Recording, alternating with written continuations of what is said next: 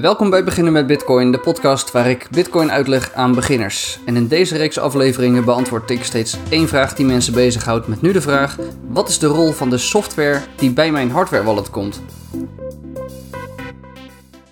Nou, voor zover ik weet zit er bij hardware wallets altijd software. Dat hoort er altijd bij. En als je een hardware wallet koopt, dan, uh, nou, die software die gebruik je dan om bepaalde dingen op je hardware wallet te regelen. Bijvoorbeeld, bijvoorbeeld het, uh, het ontvangen en het verzenden van bitcoin.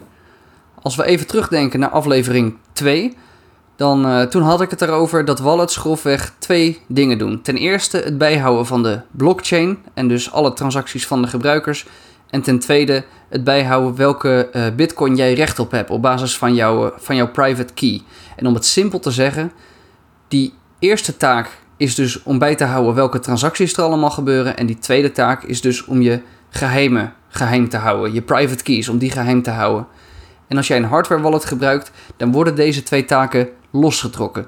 Dus waar bijvoorbeeld jouw mobiele wallet dat ongeveer allebei doet, is dat voor, voor, uh, voor hardware wallets wordt dat losgetrokken. Um, in dat geval, dan houdt de software op de computer, die houdt de balansen bij, de blockchain.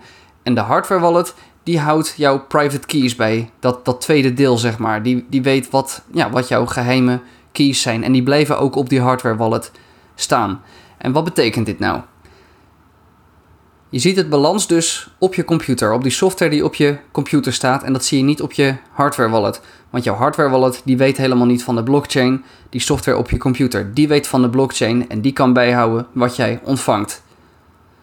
En de software op je computer die kan zelf die blockchain bijhouden. Hij doet het of zelf of hij vraagt dat aan een andere server, maar het is in ieder geval je computer die dat coördineert. Je kan die balansen kan je dus zien op de software op jouw, uh, op jouw desktop. En dat ziet er een beetje uit als een rekening. Er staat gewoon een getal op van hoeveel bitcoin je hebt. En er staat een knopje bij van verzenden en een knopje van ontvangen.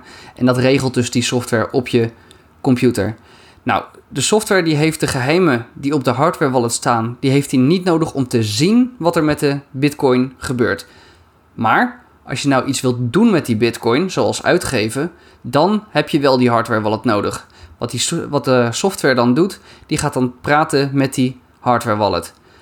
Want, ja, die, die geheimen die heb je nodig om te kunnen bewijzen dat dat jouw bitcoin zijn, om die te kunnen, uit, uh, om die te kunnen uitgeven, om die te kunnen versturen. Dus wat de software op je computer dan gaat doen, die weet, ik kan het zelf niet ondertekenen, ik heb de hardware wallet nodig. Hij maakt een transactie zelf, op je computer gebeurt dat dus. Wordt die transactie gemaakt, maar die moet ondertekend worden. Dus hij stuurt een niet ondertekende transactie, stuurt die, vaak over een USB-kabel, naar jouw hardware wallet.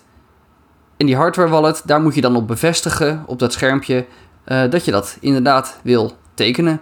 En als dat gebeurd is, dan stuurt hij dat terug naar de software. En de software op je computer die heeft nu een getekende transactie en die zendt hem uit naar het Bitcoin-netwerk. Nou, dat zijn dus de rollen van die twee delen, van de software op je computer en de hardware wallet.